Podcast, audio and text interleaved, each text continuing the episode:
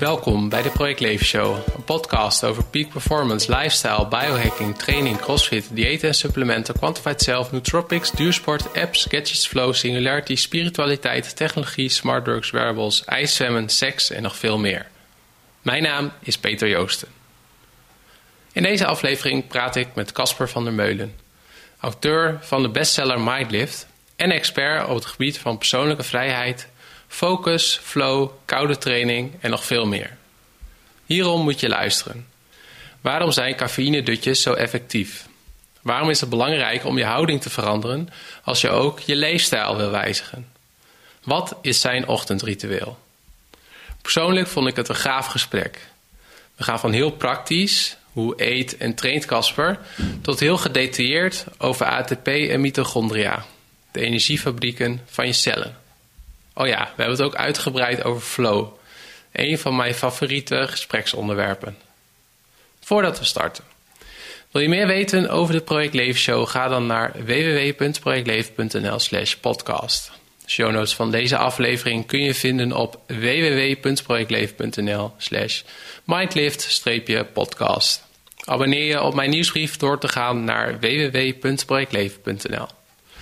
Op projectleven.nl kun je ook mijn vlogs en video's bekijken, plus meer informatie krijgen over mijn boek, het Superhuman Handboek, en evenementen die ik organiseer, zoals de maandelijkse biohacking meetups en de Super Lifestyle Summit.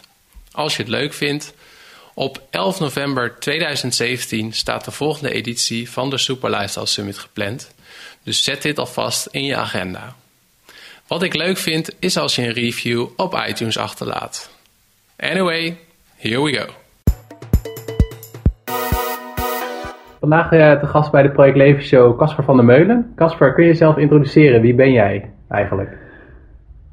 Uh, ik ben Casper en ik ben een schrijver en ik geef workshops en trainingen. En uh, ja, ik vind het altijd heel moeilijk om te omschrijven wie ik ben en wat ik doe, omdat het heel variërend is en er is niet echt een woord voor.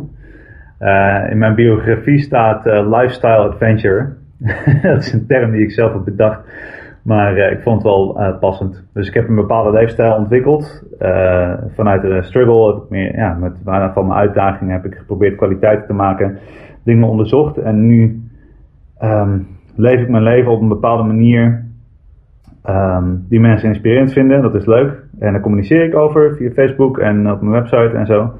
En ik schrijf daarover. En ik geef workshops en lezingen over het vergroten van je focus en persoonlijke vrijheid. Eh, kwaliteit van leven. En um, ja, dat, dat is mijn voornaamste ding waar ik nu mee bezig ben. Ja, en in ons voorgesprek vertelde je dat je zondag bent teruggekomen uit het buitenland. Ja. Is dat dan ook het leukste, als je nu een week terugkijkt en naar die week kijkt, het leukste wat je hebt gedaan? Dat je weer terug was of dat je in het buitenland hebt beleefd? Eh? Ja, het is, het is heel lastig, want ik ben uh, twee maanden geleden ben ik vertrokken naar uh, Californië en daar ben ik vijf weken geweest. workshops geven, lezingen houden, boekpromotie doen. Mijn boek is daar uitgekomen, bestseller geworden. op allemaal podcast geweest, contact gelegd met hele toffe mensen. En uh, toen was ik vier dagen thuis. ben ik teruggegaan naar Colorado om daar een uh, les te geven in de bergen met Wim Hof. Uh, toen naar Summit at Sea. Drie dagen opeens had ik opeens in de Bahama's. En toen weer naar huis. Weer naar Polen, daar trainingen gegeven. En toen naar Noorwegen. Daar een week met mijn Mindlift retreat geweest. En in bakken gezongen en berg beklommen en gekkigheid. Dus het is een beetje, ik, ik kom nu een beetje uit een hele, hele bizarre rollercoaster. Met hele vette avonturen. Ehm, ja, eigenlijk het allertofste wat ik heb meegemaakt is dat ik mijn dochter de eerste stappen zou nemen. Al die andere dingen. Wel live? Ja, ja wel live. Ja, ja. Ik, uh, dat is het mooie. Dat ik, ik heb het zo, mijn leven zo ingericht dat mijn gezin uh, mee kan. Of dat ik eigenlijk overal heen kan met mijn gezin. En mijn vrouw die, die draait een heel groot deel van het bedrijf. En um, onze dochter gaat mee. En dat, dat was een van mijn doelen. Om, om een bedrijf op te zetten wat draait om het leven van een leefstijl uh, die ik als optimaal zie voor mij en mijn gezin en om veel samen te kunnen zijn. Dus het is heel tof om al die avonturen samen in te kunnen gaan en om te kunnen zien hoe mijn dochter ook opgroeit in een wereld van mensen die um, ja, hun leven aan het optimaliseren zijn, leven vanuit liefde, vanuit missie, vanuit hun passie. Uh, dus dat is voor mij ook een heel belangrijk onderdeel. Ja, en hoe, uh, hoe vind je wel rust, of vinden jullie rust tijdens uh, al die activiteiten die je net opnoemt? Ja, dat is een goede vraag. soms niet. Het, het, is heel raar om, om te merken dat als je dus elke dag de hele dag kan doen wat je het liefste doet en waar je het meeste van houdt. En omringd kan zijn waar de mensen, met de mensen waar je bij wil zijn. Ja, waarom zou je ooit de stap terugnemen? weet je wel? Ja. Nou, inmiddels weet ik waarom. Omdat je, ja, je, je kan in, in elke staat van zijn kan je opbranden en uh, vermoeid raken. Dus ik probeer uh, heel erg bewust bezig te zijn met mijn dagelijkse rituelen, met mijn beoefeningen van dankbaarheid, van meditatie, om op bepaalde momenten in mijn dag um, social media of alle, alle schermen helemaal uit mijn leven te bannen en echt rust te pakken. Echt tijd te nemen, aandacht te hebben voor mijn gezin en voor mijn, voor mijn dochter. Uh, en um, het werk wat ik doe, de, de tijd dat ik besteed aan werk zo kort mogelijk maken. En, en dan op alle, met alle tools die ik heb te proberen om zoveel mogelijk te doen in die tijd. Dus echt mijn, mijn omzetting van, van tijd en aandacht zo optimaal mogelijk te maken. En dat is uh, gelukt. Ik, ik kan nu hoeveelheden werk verzetten waar ik vroeger, uh, waarvan 10% ik vroeger een burn-out zou krijgen. Weet je wel? En, uh, en die heb ik ook gehad. Ik heb, ik heb daar ervaring mee. Dus ik denk dat heel veel van mijn beoefeningen, waar ik ook over heb geschreven, en, en die heel veel mensen binnen het biohacking en persoonlijke ontwikkeling doen, dat dat echt heel veel uitmaakt. Dat ik mm. daardoor zoveel kan doen en kan reizen. Ik heb geen last gehad van jetlags bijvoorbeeld. En uh, af en toe haal je toch een nacht door met een vlucht of zo. En ook dan toch de volgende dag gewoon echt kan functioneren. Goed kan slapen. Dus het, het actief beoefenen van alle verschillende tools die er zijn en die ik heb. En die ook, uh, waaronder dus ook rust pakken. Bijvoorbeeld dutjes doen. De kunst van het dutje doen. is iets waar ik echt heel erg mee bezig ben. Doe je ook cafeïne dutjes? Dus ja, ja, vaak wel. Uh, ligt er een beetje aan. Ik drink geen cafeïne na twee uur. Voor de luisteraars? Ja, dus de, de koffiedutjes of cafeïne dutjes uh, heb ik ook over geschreven trouwens. Wanneer je, dat is heel erg leuk dat... Um, de manier waarop. Ik weet niet hoe, hoe nerderig jouw luisteraars zijn, maar ik ben nogal een nerd. En, uh, ik ook hoor. Dus je hebt een. Um, als je actief bent, mentaal, fysiek actief, dan uh, is er een, een soort van signaalstof, die heet adenosine, die wordt aangemaakt in het brein. En die adenosine die heeft een receptor en als die adenosine bindt in die receptor, dan voel je je moe. Dat is eigenlijk een teken van, dus hoe meer van, van die stof aanwezig is, hoe meer het bindt in die receptoren, hoe vermoeider je je, je voelt. En cafeïne lijkt heel erg op adenosine, dus die bindt in die receptoren, waardoor je dus uh, minder snel moe voelt. Dat is een van de redenen dat je, dat je, een van de redenen dat je actief wordt van, uh, van koffie. Een andere is ook dopamine en endorfine, zeker voor de koffiejunks zoals ik. Maar, um, dus je denkt dan eigenlijk uh, koffie als je moe bent. En dan kan die koffie zijn werk niet doen, omdat die receptoren al ge, ge, gebonden zijn aan adenosine. Dus als je gaat slapen, dan um, dit zijn van die dingen, ik kan echt oneindig in detail treden. Maar als je gaat slapen, dan worden die uh, receptoren geleegd. Dus dan zijn ze open. En dan kan die koffie ook weer binden. Dus dan doe je. Uh, en het duurt ongeveer 20 minuten voor die koffie om door je hele verteringsstelsel te gaan en aan te komen in je brein. Als je een slok koffie neemt en je krijgt meteen energie ervan, dan ben je geconditioneerd. dan ben je een junk. Want de daadwerkelijke cafeïne uh, komt pas aan in je brein na ongeveer 20 minuten. Dus je drinkt dan koffie en dan ga je meteen slapen. Uh, dus cafeïne doet zijn werk nog niet, dus je kan dan slapen. En dan doe je een dutje van 20 minuten. Uh, want als je langer een dutje doet dan 20 minuten, dan ga je in het diepe deel van je cyclus. En als je ja. wakker wordt in het diepe deel van je cyclus, dan heb je een probleem. Um, trouwens, heel belangrijk, de, de hacks van mijn leven, het belangrijkste hacks is het begrijpen van de slaapcyclus. En als je 20 minuten later wakker, uh, is je brein helemaal fris, is die adenosine niet meer gebonden in het brein, kan die cafeïne meteen intreden doen en dan heb je, heb je eigenlijk een ultieme reset. Dus dat is ja. een van de manieren om een dutjes te optimaliseren. Ja. En ik slaap dan graag op een acupressure mat en ik heb een uh, coole nieuwe uh, ja, een soort van tool die uh, nervus vagus stimuleert via een uitloper in je oor, je oordopje. Dus dat je zenuwstelsel actief in rust komt. En zijn ademoefeningen die ik gebruik. En dat, dat zijn van die dingen die zo krachtig zijn. Dus dat je, dat je met een dutje van 20 minuten dan meer kan bereiken dan. Dat je, je hebt het gevoel dat je een hele nacht moet slapen. Maar als je een effectief een dutje doet en het goed uitlijnt, ja, je gewoon door. Of in ieder geval kan je echt je rust pakken. Ja, ja, ik ben bang voor deze podcast, want volgens mij kunnen we wel uh, vijf uur praten. ja. wij even uh, beperkt houden. Nog even uh, terug naar een vraag die ook elke gast stelt. Heb jij iets met de term peak performance? ja. Veel, denk ik. Veel, ja. Ja, ik, ik, ik probeer... Um, het woord peak probeer ik een beetje te vermijden. Omdat ik... De manier waarop ik, mijn, mijn brein werkt en, en hoeveel creatieve, actieve mensen er zijn Um, is dat, dat je, ja, ik weet inmiddels dat die pieken, die worden gevolgd door dalen. En ik heb heel lang, heel vaak dat ik een hele hoge pieken had. Dat ik echt peak performance had, dat ik er ook voor ging. En peak state en aan gaan en je goed voelen. En, en dan komt er uh, daarna vaak een crash. En ik heb nu geleerd om die crash uh, helemaal te omarmen. En om die ook te verwachten en ermee te dealen. En ik ben nu veel meer op zoek naar, naar een gebalanceerde um, performance. Waarbij ik dus constant ik, wil eigenlijk niet naar die piek toe. Ik wil dat gevoel dat ik heb op die piek, dat dat mijn basislijn wordt, dat dat constanter wordt. En uh, dat is iets wat ik met, met veel pijn en moeite heb moeten leren, maar wat ik nu wel um, voor mijn gevoel uh, uh, me lukt, over het algemeen.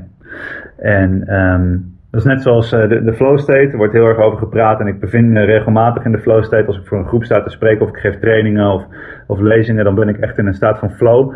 En um, uh, dan kreeg ik daarna altijd een soort van hangover. En uh, nu heb ik inmiddels geleerd, er is, er is iets wat ze noemen de dark side of flow, waar mensen niet over ja. praten, net zoals de negatieve kanten van succes.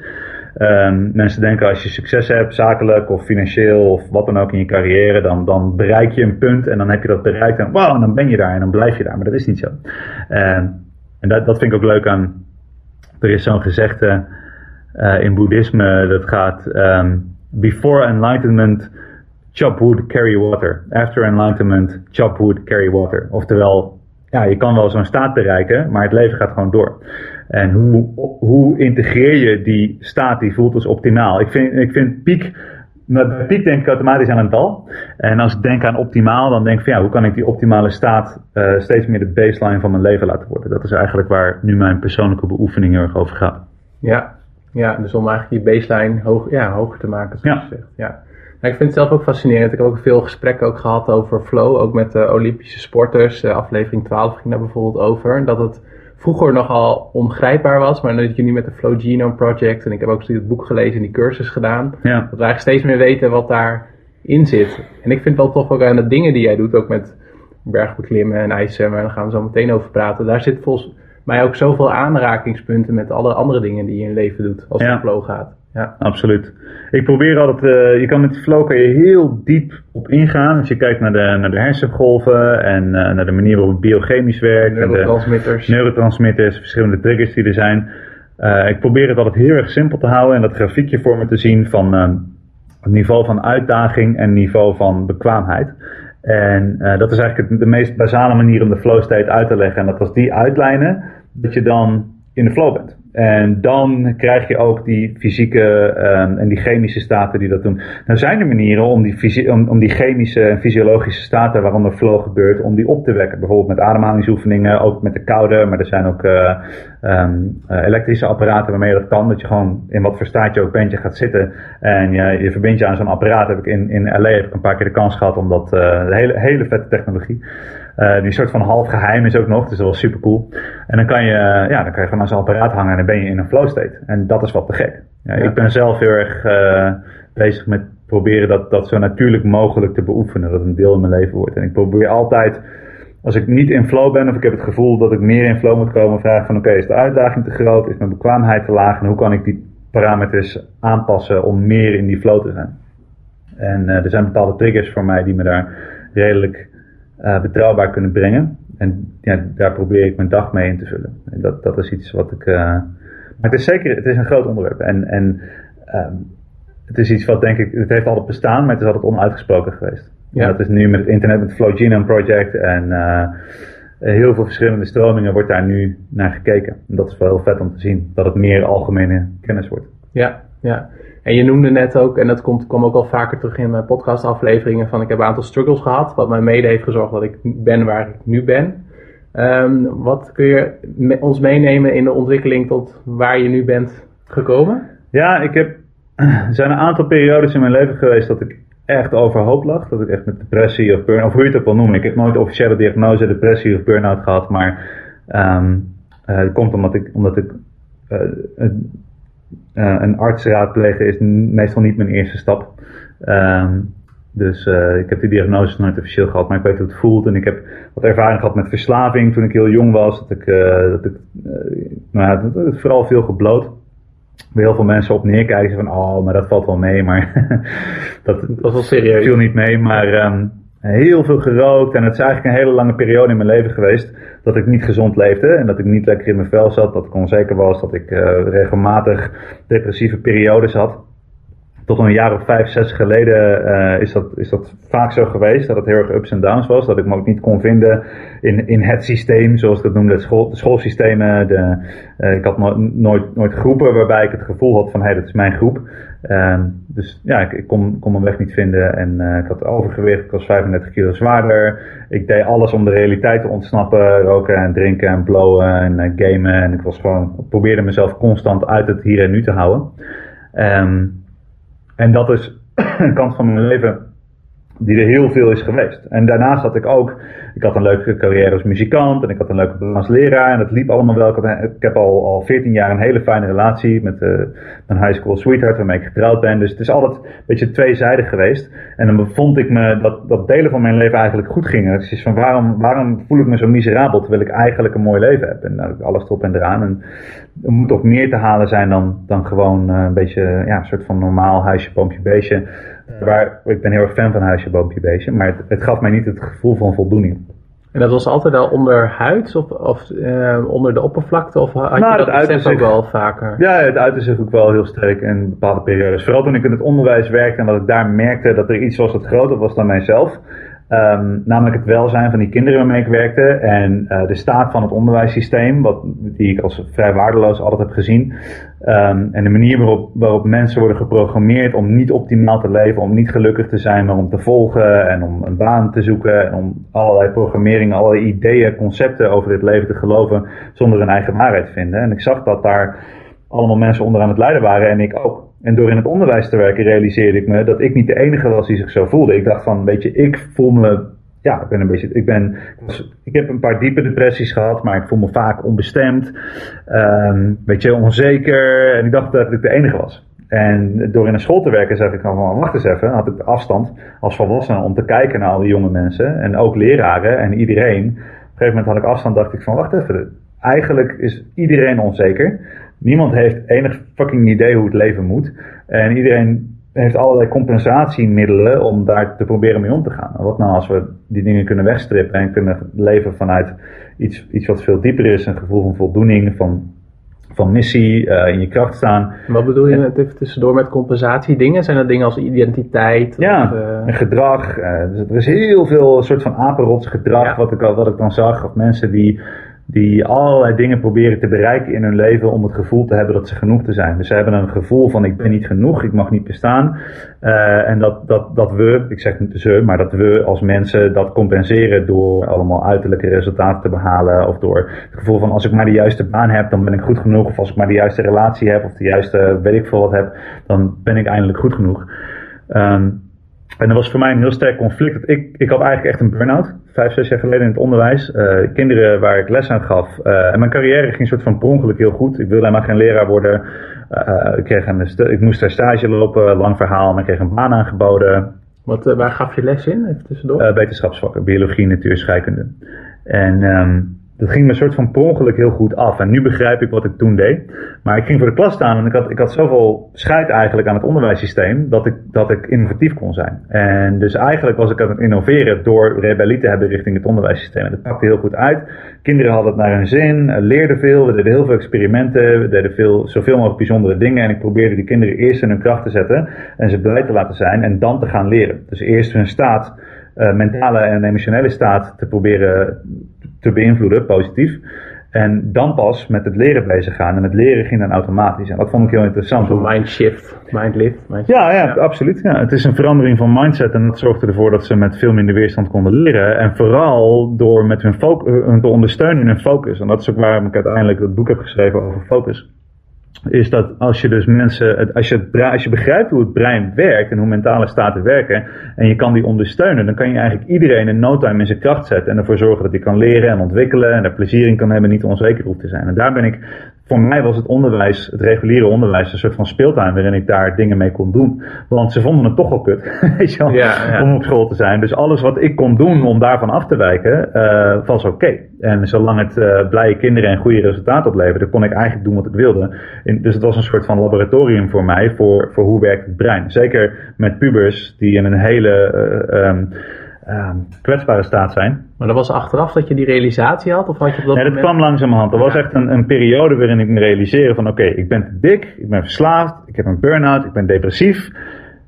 En ik werk met kinderen die dezelfde richting ingaan. Dit is een generatie die allemaal burn-outs krijgen, zich ongelukkig voelen.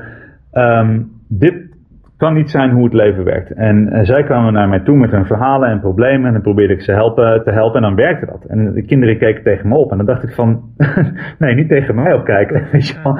Mijn leven ligt echt, ik heb, echt geen flauw idee hoe het leven moet. En daar ben ik altijd eerlijk over geweest. Dat ik niet, dat ik niet weet hoe het leven moet. En dat vonden ze blijkbaar heel prettig. En vanuit daar ben ik echt gaan kijken van, oké, dus er moet meer te halen zijn. Weet je wel? Want ik, ik zag die geweldige, getalenteerde briljante, wonderlijk mooie kinderen daar zitten. Terwijl ze geprogrammeerd werden om niet te zien dat ze geweldige, creatieve, wonderlijke schepsels zijn. Zeg maar. dat, dat, was een, dat, dat begon heel erg te wringen bij mij. Ook omdat ik merkte dat ik zelf allerlei dingen, ja, allemaal struggles had, die ik helemaal niet had hoeven hebben eigenlijk. En uh, toen realiseerde ik me dat je dus door je focus te veranderen, je mindset te veranderen, elk deel van je leven um, kan optimaliseren, kan verbeteren. De kwaliteit van je leven is afhankelijk van de manier waarop je je aandacht focust. En toen, toen ben ik onderzoeken in gaan duiken. Ik ben uh, in therapie gegaan. Ik heb dingen geleerd over hypnose, over meditatie, over alle fysieke dingen die je kan doen, alle chemische staten die er nodig zijn om je goed te voelen. Uh, ben gaan trainen, gaan hardlopen, 35 kilo afgevallen. En toen ben ik een hele serie experimenten ingegaan. Wat ik leuk vond toen ik jouw blog zag, heel veel van die experimenten heb ik gedaan allerlei verschillende diëten, verschillende protocollen, slaap, uh, adem, ademhaling optimaliseren, beweging en alles. En met alles wat ik deed, vergrootte de kwaliteit van mijn leven en was ik meer in staat om de mensen waarmee ik werkte, om die te helpen. En dat ik zelfs als ik ingehuurd werd om een, om een workshop te geven in een school, dat ik daarnaast deed, dat had mijn eigen onderneming daarnaast workshops, muziekworkshops of uh, uh, rapworkshops zelfs. En dat ik met, met een nieuwe manier van kijken naar, uh, ja, naar, naar menselijk vermogen, eigenlijk elke zaal in kon lopen. En of ik nou muziek maakte of biologieles gaf of wat dan ook, uh, mensen in een bepaalde staat kon brengen, waarin ze zich opeens beter voelden. En ook kon ik kon, kon ze ook uitleggen waarom dat zo was. En ze tools meegeven om in een dagelijks leven vaker in die staat van, ja, die, van hoe je het ook wil noemen, flow of optimale staat te zijn. En uh, toen had ik zoiets van, hé, hey, dat, dat, dat is heel interessant. En toen zei iemand tegen mij van, nou, eigenlijk moet je daar een boek over schrijven. Toen dacht ik van, ja, dag, ik, uh, ik lees niet eens boeken, weet je wel. En toen, inmiddels was ik al aardig diep in de zelfhulpliteratuur, maar ik identificeerde me nog steeds met het, het nonsensverhaal dat ik niet literair was. Want dat vertelde leraren mij. En voor mij was het eigenlijk, het hele pad wat ik nu beschrijf, was een proces van op zoek gaan naar beperkende uh, ideeën over mijn leven en over het leven en dan die uitdagen. Dus ik had vroeger geleerd van ja, je hebt slechte knieën, je bent gewoon geen hardloper. En uiteindelijk heb ik een, hard, een marathon gelopen op mijn blote voeten. Uh, een soort van half ongetraind, onder vier uur, weet je wel. En ik dacht van oké, dus dat kan. En dus heb ik heel veel van die dingen heb ik uitgedaagd. En toen dacht ik van ja, weet je wat, fuck it. Ik heb ergens een, een beperkend idee dat ik niet literair ben en dat ik niet kan schrijven. Uh, ondanks dat ik vier jaar heel actief ben geweest als rapper en gewoon schreef. Maar toch, weet je wel, als ik aan boeken dacht, dan was het een soort een hokje waar ik mezelf niet in zag. En toen dacht ik, weet je, fuck it, ik ga gewoon een boek schrijven. En uh, ik had ook geleerd dat ik me niet kon concentreren en dat ik geen deadlines kon houden, dat ik niet kon plannen. Dat had ik ook altijd geleerd en dat geloofde ik over, over mezelf. Dus ik dacht, oké, dus ik ga een boek schrijven. Ik ga het schrijven over focus, want dat kan ik zogenaamd niet. En ik ga het schrijven in 30 dagen en die deadline uh, crushen, want dat kan ik zogenaamd niet. En, en dat heb ik gedaan. En het is gelukt. En het boek is nou, in Nederland uh, heel goed verkocht. Er zijn meer dan 2000 exemplaren verkocht in het afgelopen jaar. En in Amerika is het een bestseller geworden. En toen had ik echt zoiets van, nou, als dit lukt, dan kan ik volgens mij gewoon kiezen wat ik wil doen in mijn leven. En dat waarmaken. En uh, nou, dat, dat ben ik aan het doen. En dat ja. heb ik gedaan. Dus dat is een beetje het pad. Dus het is begonnen met een struggle, een burn-out, een verslaving, overgewicht. Heel veel onvrede die ik om me heen zag. En op een gegeven moment, het een soort van rebellie eigenlijk. Zo van, ja, maar dit, dit kan het toch niet zijn. Weet je wel? Ja. Ik weet nog dat ik bij mijn dokter zat. Ik had uh, uh, rugproblemen, ik had nekproblemen, ik had migraines en ik had hartaritmie. En ik was 25, weet je wel. Sloeg helemaal nergens Is hart, dat, die, dat je hem op, uh, dat hij af en toe overspringt? Ja. Is dat, oké, okay, ja. En het kwam op een punt dat ik, dat ik niet eens, ik had niet eens zeg maar drie slagen in hetzelfde ritme, weet je wel. En ik lag soms s'nachts wakker eh, te wachten op mijn volgende hartslag. ik echt dacht dat ik dood ging, weet je wel. En ik sliep niet Oh, goed. en ik had- paranoïde. ik- ja, ik werd er echt parra van. En ik sliep slecht en dan werd ik wakker dat mijn arm half verlamd was. Op een gegeven moment kon ik mijn arm niet eens meer boven mijn hoofd optillen. Gewoon allemaal van die kwalen. En ehm, onderzoeken gedaan, bla bla bla. En toen zat ik bij een dokter en ik, ik was al wat afgevallen. Ik was op minder gaan roken, want ik maakte me druk om mijn hart. En ik dronk minder koffie. En eh, dat zat en dat die dokter zei van, ja, het is oké, we hebben de test bekeken en je bent gezond. Ik zei, hoezo gezond? Ja, gewoon normaal gezond. Ja, maar ik ben nog steeds 20 kilo te zwaar. En, maar ja, ik heb nog maar één keer in de maand een migraine, weet je wel. En ik rook nog maar twee sigaretten per dag. En eh, dan had ik zoiets van, dit is, is, dit is wat gezond. Dit is wat gezond is. Dat, dit kan het niet zijn. Eh, Dit, er moet meer zijn. En als ik, als ik van min 100 naar 0 kan gaan. En die, die nullijn is blijkbaar niet eh, wat ik wil, of is, is, is, ja, is helemaal niet eh, aantrekkelijk. Dan misschien kan ik ook van, van 0 naar, naar plus 100 gaan. Naar, naar meer leven vanuit optimale expressie. Ehm, dus ja, eh, het was voor mij ook een, een, een soort van. Ik, ik vond overal strijd, weet je wel. Dat mensen. Toen ik nog de hele dag op de hele nacht doorhaalde en bier dronk en rookte en alleen maar aan het gamen was, eh, vond niemand dat ik iets extreems doe- deed. Toen was ik gewoon een, een jonge gast die genoot van het leven. En nou, eh, ja, nou beklim ik een berg en eh, loop ik marathon op mijn blote voeten en ga ik in een ijsbad zitten en, en pas ik me, eet één maaltijd per dag, weet je wel. En opeens vindt iedereen dat ik extreme dingen doe. Dan denk ik, we hebben onze prioriteiten helemaal verkeerd als het om gezondheid gaat. Ja, kom je wel veel kritiek en weerstand tegen? Niet meer. Nee, niet meer. Nee. Dat was wel zo. Ja, toen ik hiermee begon werkte ik, had ik een baan. Werkte ik in een school. En ik had collega's die, eh, die dat heel raar vonden bijvoorbeeld. Eh, en ik begaf me nog in sociale kringen die, die er ongemakkelijk van werden dat ik, ja, dat ik andere keuzes maakte in het leven. Eigenlijk, weet je wel. Dus, dus ik heb ook wel bepaalde m- mensen soort van, ja, niet bewust achter me gelaten, maar dat het gewoon niet meer goed werkte. Dat waren dan niet de mensen met de meest positieve invloed in mijn leven. Maar ik vind heel weinig weerstand, omdat ik me tegenwoordig omring met mensen op hetzelfde pad. En ehm, door de manier waarop ik ook online communiceer met mijn doelgroep, is er een automatische voorselectie van mensen die geïnteresseerd zijn in wat ik doe en die ook begrijpen wat ik doe. Ja. Eh, en, ik, mijn vocabulaire om, om ehm, hierover uit te leggen, erover te spreken en mensen te overtuigen is ook veranderd. Want In het begin had ik ik gewoon, ja, dan vond ik iets wat werkte en dan vond ik dat iedereen het moest doen, weet je wel. Ja. jongens, twee maaltijden per dag, dat is het, dat is voor Ja. iedereen geniaal. Oh jongens, geen koolhydraten, dat is voor iedereen. Blijkt het helemaal niet zo te zijn. weet je wel, nu ben ik wat genuanceerder, dat helpt ook. Ja, nou, ik had het eerder ook wel eens in een podcast met iemand over gehad. Volgens mij was het met, eh met Jelme de Boer. eh, die ook heel veel doet op het gebied van eh, gezondheid en diëten en zo. Van, dat hij op een gegeven moment ook zoiets had in de supermarkt van... Nee, je moet dat niet kopen, want het is niet goed voor je. Ja. Dat komt mij ook wel bekend voor. Ja. En waar ik nog wel benieuwd naar ben, want ik herken wel wat je zegt. Dat, dat op het moment dat je bepaalde keuzes maakt, dat het ook mensen in je huidige omgeving misschien een beetje afschrikt. Of dat die eraan naar kijken. Als je daar terugkijkt, zeg maar, zie je dat dan als, als ehm, ehm, prijs, zeg maar, van eh, wat je hebt moeten betalen? Of is het juist wat je zegt van, eh, het is nu eigenlijk positiever, want ik omring me nu met veel meer likable of mensen die, eh, ja, Ja, dat is, het is meer dat ik, dat, ik, dat ik begrijp. Ik begrijp veel beter waarom die weerstand er is. En het is heel makkelijk in het begin, als je met dit soort dingen bezig gaat, dan is het heel makkelijk om het idee te krijgen dat je alles begrijpt. Ik had, ik had echt een periode waarin ik opeens, het was echt alsof fysiek mijn brein voelde veranderen. Zo van, wacht even. Ik kan gewoon zelf kiezen. Ik kan verantwoordelijkheid nemen voor mijn leven. En zelf kiezen wat de kwaliteit van mijn leven is. Als ik bereid ben om dingen te veranderen. Dat was voor mij echt zo, holy fuck. Dit, wat? Weet je wel? Ik wilde echt mijn huis uitrennen en op straat eh, mensen aanspreken van, heb je het al gehoord? Heb je het al gehoord? Zo, weet je wel? Dus, en dan is het heel makkelijk om er evangelisch over te worden. En om die weerstand te zien als mensen die willen tegenhouden, of dat ze je niet gunnen, of dat mensen vastzitten. Maar binnen het hele biohacken, persoonlijke ontwikkeling, spirituele mensen gebeuren, is er ook een soort van, eh, een soort van eh, ego-valstrik. Waarin je verwikkeld kan raken en denkt van, oh, ik ben wakker geworden en ik heb het licht gezien en alle andere mensen zien dat niet. Maar ehm, nu begrijp ik veel beter wat de mentale en psychologische, sy- eh, psychologische systemen zijn achter het ehm, niet willen zien van verandering. Dus, dus ehm, de weerstand tegen verandering en vernieuwing is een heel natuurlijk menselijke functie van het brein, een beschermende functie van het brein.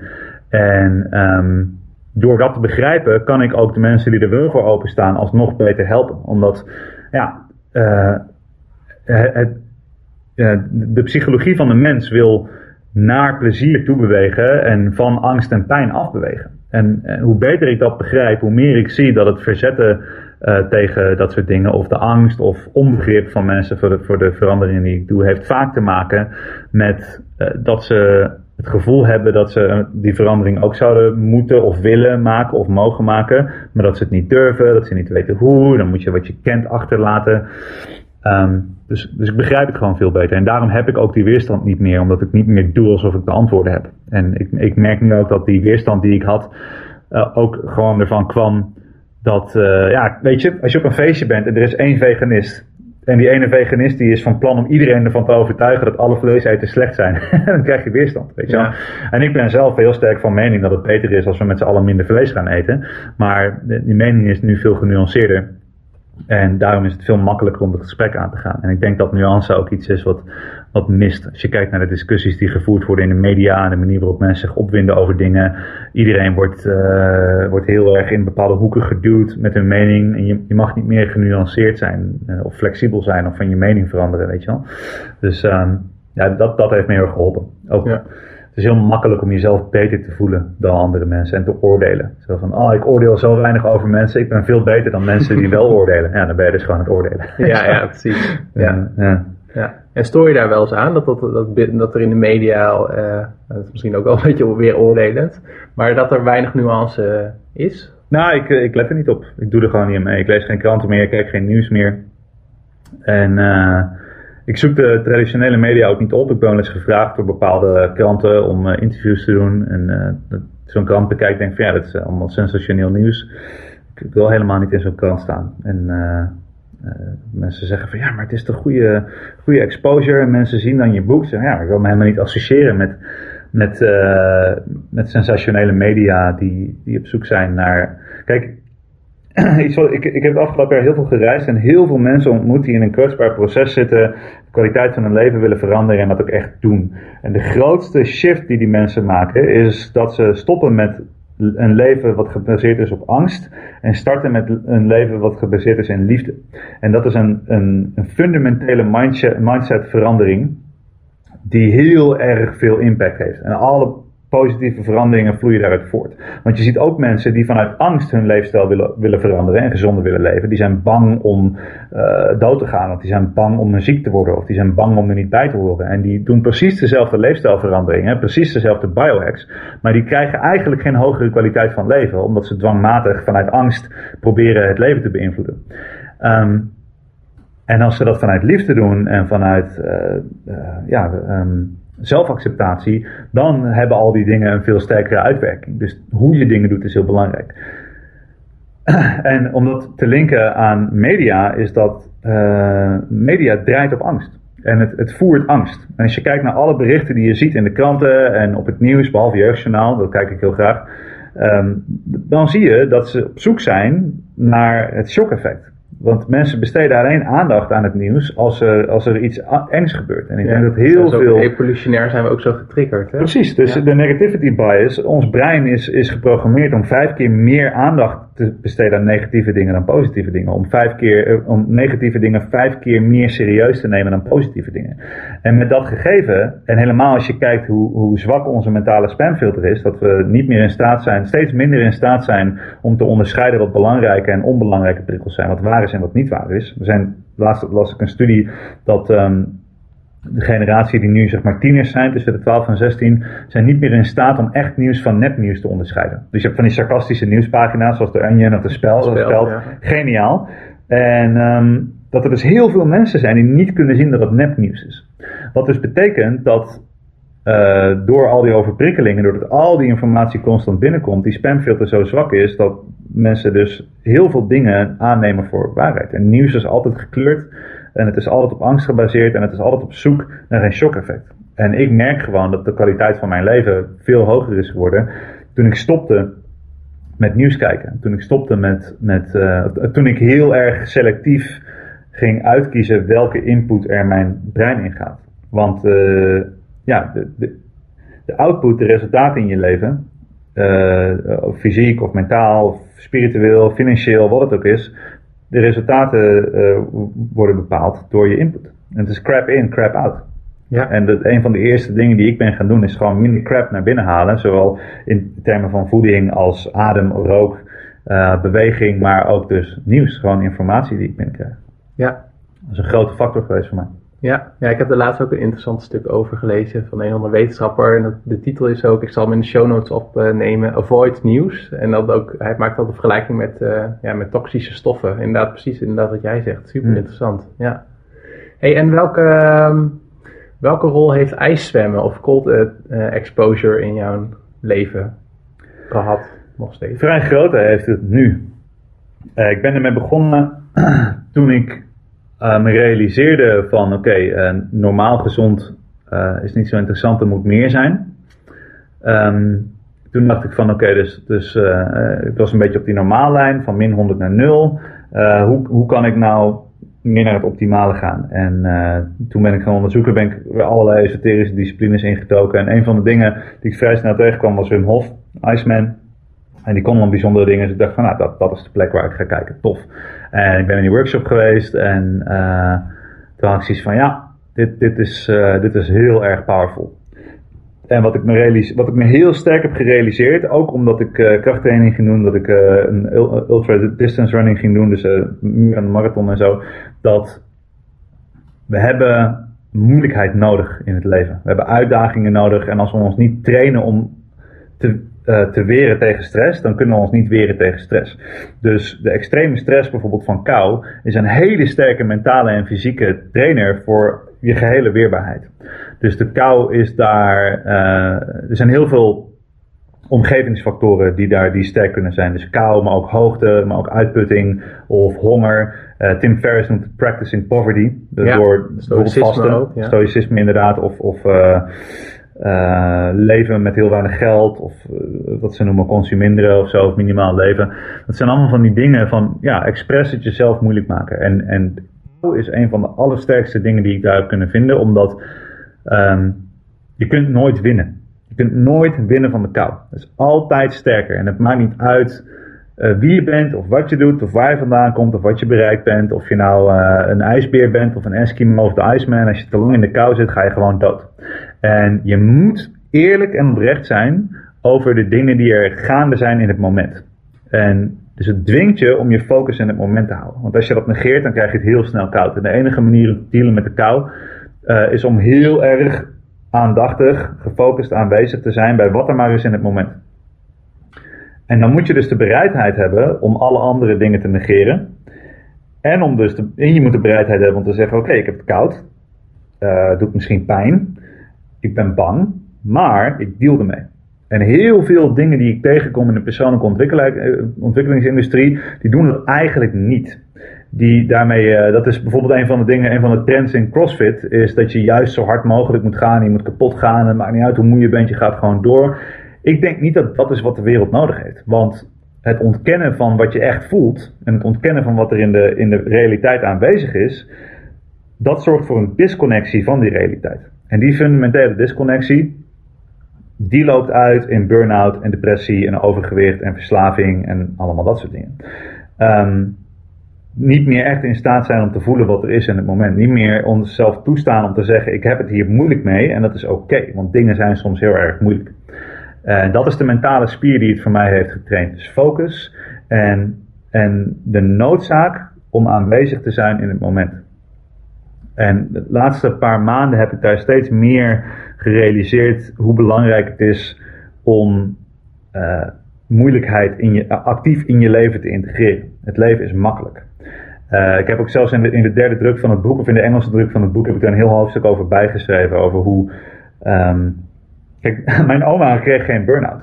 En die heeft de oorlog meegemaakt in de hongerwinter en die had geen burn-out. Weet je wel? Ja. Uh, die had ook geen depressie. Tuurlijk zijn er heel veel mensen met depressies uit de oorlog gekomen. Maar als ik kijk naar, naar, naar die generatie van mijn opa en oma, en waarschijnlijk jouw opa en oma ook, die hebben het ergste meegemaakt wat je maar mee kan maken. En die zijn daarna in een periode van, van rijkdom en welvaart gekomen. Waarin die rijkdom en welvaart en medische zorg heel erg gewaardeerd werd. Als je nu kijkt naar de groep die de meeste burn-outs krijgt, dat zijn kinderen van tussen de 16 en 30 of zo, weet je wel. Jonge mensen, hoog opgeleid, uh, hebben het altijd makkelijk gehad, hebben altijd voeding gehad, hebben, het nooit, ja, hebben nooit grote uitdagingen gehad, misschien wel emotioneel. En die krijgen burn-outs, dat vind ik interessant. En 100 jaar geleden uh, was het nog heel erg logisch om zoveel mogelijk weg te bewegen van uh, al, al, dat, uh, al dat gevaar van de natuur. Dus de kou en uh, modder en buiten en weer en wind. En daar moet je je van isoleren. Want 100 jaar geleden, als je een, slechte wind, een strenge winter en een slechte oogsten en geen goede verwarming of geen, ja, en een, een griep kan gewoon een hele familie uitsterven, weet je wel. Maar nu zijn we zo'n 50, 60 jaar verder, waarin de hele westerse wereld, de eerste wereld, ja, eigenlijk een luxe leven heeft. Uh, we hebben genoeg te eten, we hebben te veel te eten. Uh, we hebben het altijd warm, we zitten altijd in temperatuur gecontroleerde ruimtes. Uh, we hebben medicatie, we hebben een zorgstelsel, alles is geregeld. En dat hebben we nu ongeveer 50 of 60 jaar. En opeens hebben we de meest opgebrande, depressieve, verslaafde en te dikke generatie ooit. ja. ja, er is iets dus het actief opzoeken van dingen die moeilijk en zwaar zijn en uh, waarin je lichaam echt uitgedaagd wordt, dat is ook denk ik een van de redenen dat CrossFit en krachtsport zo populair wordt. Omdat het afzien wordt weer teruggebracht in, in het leven, omdat we het nodig hebben. Uh, modder races, dus een mooie documentaire Rise of the Sufferfest. Um, die daarover gaat. Van waarom gaan mensen voor hun lol mutmasters doen en door de modder rollen en weet je, geëlektrocuteerd worden? Waarom is er zo'n sterke behoefte om te lijden? Ja. Nou, blijkbaar omdat we ergens diep van binnen weten dat we het nodig hebben. Ja, ja. En de kou is daar voor mij, ja, ik, ik ken heel weinig effectievere, betere, snellere manieren om mensen heel snel in een staat van optimale focus te krijgen en zich heel snel heel erg sterk te voelen dan met de kou. En uh, vanuit de Wim Hof methode waar we ook ademhaling doen en wat fysieke oefeningen, dat is zo'n effectieve manier. Het is gewoon, het blijft me verbazen. Ja, wel interessant dat je dat zegt, want ik had aflevering 20 was met uh, Ewout Staartjes en dat ging meer over de Russische winterzwemmen. winterzwemmen. Uh, en dat ging dan ook heel erg over de, de, voordelen voor je immuunsysteem. En ik vind het zo boeiend dat jij dat zegt, wat ook mentaal het je kan brengen. Want ik realiseer me ook op het moment dat ik, uh, ik ga nu ook één keer per week. Ik weet niet hoe vaak jij het doet, mag ik zo meteen beantwoorden. Maar ik merk inderdaad dat ik dan ook, als ik daar zo in dat uh, beekje in Amersfoort waar ik dan woon zit. En dan moet ik gewoon echt heel erg naar mezelf en heel erg op mijn ademhaling letten en heel rustig. En dan... Ja ja, nu realiseer ik me de mentale aspect. Kijk, er is eigenlijk geen. De, mentaal en fysiek zijn woorden, zijn grammaticale functies, die we, taalkundige functies die we gebruiken om, om regio's of functies aan te duiden. In werkelijkheid is er geen scheiding. Er is geen dualiteit tussen mentaal en fysiek en emotioneel en spiritueel. Uh, in mijn, in, dat is mijn opvatting. Um, ja, die fysiologische effecten. Uh, een, van de dingen die ik tegenwoordig het meeste doe, is lezingen geven over de fysiologische aspecten van kou. En om dat echt uh, wetenschappelijk tot op de details uit te leggen. Dus uh, flexibiliteit van het vatenstelsel, de manier waarop het zenuwstelsel, of, immuunsysteem reageert, zenuwstelsel, de training voor het ademsysteem, allemaal dat soort dingen. Um, maar dat is, niet, dat is niet de basis. Het meest fundamentele is de manier waarop je mindset kan trainen. Dat moment dat je onder de douche staat en de douche is warm en je zet de koude kraan open en de warme kraan uit, dan maak je dus actief een keuze om van comfortabel naar oncomfortabel te gaan. Je traint daarmee een mentale spier waarbij je zegt van, ik ben nu comfortabel, alles is goed, maar ik kies er nu actief voor om het mezelf even moeilijk te maken, omdat ik weet dat ik er sterker van word en dat ik er beter van word. Uiteraard heb je alle fysiologische effecten daarbij, maar dat is een statement waarmee je de rest van de dag in gaat. En als ik, als ik kijk naar mensen die bijvoorbeeld die voor, voor uh, fysieke voordelen mijn trainingen komen volgen, bijvoorbeeld mensen met reuma die heel veel baat erbij hebben. Um, nou ja, laten we met dat, dat voorbeeld gebruiken, mensen met reuma. Immuunsysteem is helemaal overhoop, uh, hebben een chronische ziekte en uh, voelen zich daardoor zwak in hun leven. Dan gaan ze met die kou aan de slag. Die reuma wordt veel minder. Ze krijgen minder last van reuma. Ze, voelen zich sterker, ze voelen zich beter. Maar ze gaan ook opeens bijvoorbeeld makkelijker een, een, een moeilijk gesprek aan met een baas. Of ze maken opeens een andere keuze om, om, om, om hun leven anders in te richten. Of om eindelijk die carrière switch te maken die ze altijd wilden. Ze durven opeens uh, dat moeilijke gesprek aan te gaan met een ouder. Of een gezinsconflict op te lossen. Of ze zijn ook van hun hoogtevrees af. Weet je wel? Um, Dus die dingen die gaan heel erg samen. En ik, ik zie dat de, dat de kwaliteit van leven die, die vergroot wordt door te trainen met de kou, heel erg ligt in het mentale aspect. Dus je elk, voor mij, ik, ik zit uh, zo goed als elke ochtend in een ijsbad. Hoe um, lang? Nou, tot, totdat ik voel dat, dat ik uh, kalm ben. Okay. Uh, en soms als ik het dan heel lekker vind, dan blijf ik even zitten. Uh, maar de en tijd... is het ijsbad hier? Want we nemen het op uh, bij jou in de gym. In ja, ik, ik heb hier een ijsbad staan en ik heb thuis eenzelfde, dus eigenlijk een omgebouwde vriezer. Um, ik heb er thuis eentje staan, die is altijd zo rond de 1 graden. En daar stap ik, hij is, ik, ik, moet hem nu even verschonen, dus ik heb er dan nu twee dagen niet in gezeten, of vier dagen, maar ik kom net terug uit Noorwegen en dan zat ik elke dag in een bak. dus um, als je daarmee, dat is het begin van de dag, weet je wel. Ja. Ik, ik, ik, ik, sta in mijn huis en ik heb het warm en ik heb koffie en ik voel me oké. Okay, ik heb lekker mijn meditatie gedaan, alles is oké, okay, helemaal goed, heerlijk.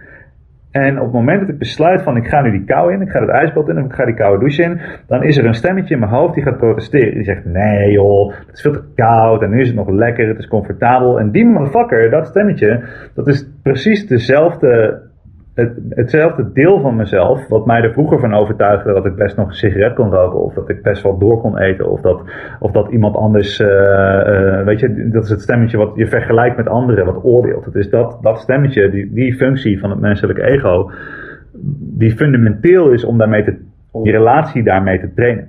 En dus jezelf bewust in discomfort plaatsen is een hele sterke manier om tegen dat stemmetje te zeggen van weet je wat, het is oké, we hoeven niet te ontsnappen van wat moeilijk is. Ik ga gewoon hier zitten en dealen met wat er is. En het is voor mij nog steeds altijd even spannend om het bad in te gaan. Ik moet me altijd ergens overheen zetten. En dat is precies de spier die ik wil trainen. Dat is ook de reden dat, dat ik ging hardlopen of extreme afstanden lopen. Ja, als je uh, 45 kilometer hebt gelopen en je moet nog 20 kilo of 10 kilometer. Um, ja, maakt niet uit hoe zwaar het is en hoe moeilijk het is. Het mag moeilijk zijn. Je mag huilen, je mag pijn hebben. Als je maar erkent dat het zo is en dan alsnog handelt. Weet je wel? Dus, dus handelen ondanks dat je angst voelt. Dat vind ik belangrijk. In plaats van wat we vaak leren dat je geen angst mag voelen. Of die emotie die is negatief. We leven de emoties en situaties als negatief of ongewenst. Terwijl we ook zouden kunnen zeggen van hé, hey, ik mag ook gewoon bang zijn. Het is gewoon oké. Okay. Mag. Mm -hmm. Dus um, dat ja. is voor mij het belangrijkste. Ja, een andere, andere manier waarop jij eigenlijk, um, dat doe ik zelf ook uh, af en toe, één keer per week of twee keer per week, is uh, dat ik af en toe één of twee maaltijden oversla, of drie. Maar jij zegt ik doe één maaltijd per dag. Dat zijn of twee, van, ja. ja. En is dat dan ochtend, middag, avond? Uh, ik ik doe eigenlijk um, lunch en avondeten, is mijn standaard. Ik doe altijd twee maaltijden. Ik eet om een uur of twaalf of één. Meestal heb ik daarvoor dan een zware training. En ik eet dan om een uur of zes of zeven. Dus ik, wat ze noemen een eating window van zes tussen de 6 en 8 uur. Ik, hoef daar niet zo strikt in te zijn, want ik kan heel goed, ik heb heel goed leren aanvoelen precies op welk moment ik klaar ben voor eten. Dus als ik um, een keer om uh, tien uur ga trainen, bijvoorbeeld, uh, dan uh, weet ik dat ik om elf uur ga eten. En dat is oké. Okay. Dus ik heb altijd een training voor mijn eerste maaltijd. En ik heb die tijden gekozen omdat het goed voelt. Dus in de ochtend ben ik heel helder als ik niet gegeten heb, als ik in een gevaste staat ben. wel herkenbaar voor, ja. Ja, is voor heel veel mensen. Als ik dus een ontbijt, als ik ontbijt krijg en after dinner dip, ben ik mijn ochtend eigenlijk kwijt.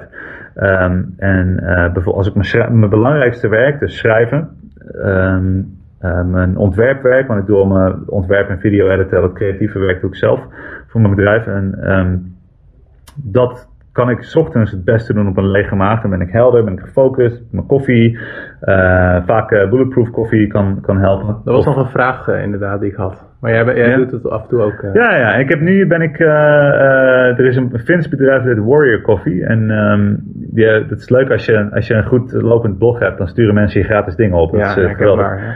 En uh, die hebben een soort van instant versie ervan gemaakt met ghee en, uh, en kokosolie en een beetje zeezout. En die vind ik echt, en die uh, vind ik echt geweldig. Die hebben een hele mooie ratio, dat hoef je niet zelf te prutsen. Zo'n zakje wat je uitknijpt in je kopje en dan blend je hem. Daar ben ik wel heel erg, ze betalen mij niet om het te promoten, maar ik, ja, ik ben heel enthousiast over. En dat, dat ben ik nu de laatste dagen aan, het, aan het testen en ik hou er wel van. Ik merk alleen dat ik moet uitkijken met de hoeveelheid. Want ik wil precies die, die hoeveelheid vet hebben waarbij mijn... Um, mijn verteringsstelsel dus niet zoveel uitgedaagd wordt dat het op volle toeren moet draaien. Want dan krijg je alsnog die insulinewisseling. En uh, ik merk dat mijn vermogen om me te concentreren. Ik heb gewoon geleerd van ja, Casper kan zich niet goed concentreren. Uh, zo is hij nou helemaal. Nou, ik heb gemerkt dat mijn concentratie heel sterk afhankelijk is van mijn insulinespiegel, van mijn suikerspiegel. Dus als ik die insulinepiek krijg en mijn lichaam, mijn verteringsstelsel moet aan het werk. Ik heb een heel gevoelig verteringsstelsel. Dan kan ik me niet meer concentreren. Dus als ik ochtends uh, helder wil zijn, dan moet ik niet eten. Als ik energie wil hebben, moet ik niet eten. Um, en ik heb een hele overgangsperiode genomen om aangepast te worden aan het vet. en om makkelijker in ketose te gaan en zo. Um, en in principe doe ik twee maaltijden per dag, tenzij ik merk dat ik uh, bijvoorbeeld toen ik in Amerika was, heb ik een paar weken op een Amerikaans dieet geleefd. Veel mee dus California, weet je wel, maar wel veel hamburgers en friet en meer dingen die ik normaal niet zou eten. Um, en dan is mijn verteringsstelsel even overhoop. En dan wissel ik naar één maaltijd per dag. En dan merk ik gewoon dat, dat ik helemaal kan resetten. En uh, bijvoorbeeld kleine dingetjes zoals uh, een huiduitslagje. Dat is bij mij een teken dat ik dingen binnenkrijg die niet goed voor me zijn. Zuivel bijvoorbeeld. Dat ik, ja, in, in, het buitenland is het moeilijker om, om mijn eten optimaal te houden. Krijg ik toch per ongeluk zuivel binnen. Of een bepaalde soort suiker waar ik niet tegen kan. Of waar ik gevoelig voor ben. En dan merk ik dat ik... Uh, uh, ik kan heel goed aanvoelen in welke mate mijn lichaam ontstekingen aanmaakt. Dus ook als je niet een actieve huiduitslag hebt of je hebt niet een ontsteking, uh, kan je leren lezen wat de status van je lichaam. En dus aanvoelen in meditatie of met ademhaling in welke mate je lichaam uh, in, in inflammation is, dus ontsteking aanmaakt. Dat is een hele coole truc die ik het afgelopen jaar heb geleerd. Um, en dan merk ik van oké, dus mijn lichaam is een beetje, beetje algemene ontsteking, lichte ontstekingsgraad. Uh, doe ik mijn ademoefening, doe ik mijn kou, heeft niet geholpen. Nou, dat betekent dus dat ik beter even niet kan eten. En dan doe ik een paar dagen één maaltijd per dag. Nou, dan wordt mijn hartslag weer variabel. Voel ik minder ontsteking, heb ik meer energie. En dus ik gebruik het vaste ook echt om, uh, om mijn zenuwstelsel rust te geven. Of juist in, in de activiteit uh, te duwen, maar wat ik wil. Ja, en kun je, want uh, in het begin van het gesprek over nuance ten aanzien ook van voeding en diëten, is er een bepaald stempeltje wat je op je dieet wat je kan plakken? Nou, intermittent fasting.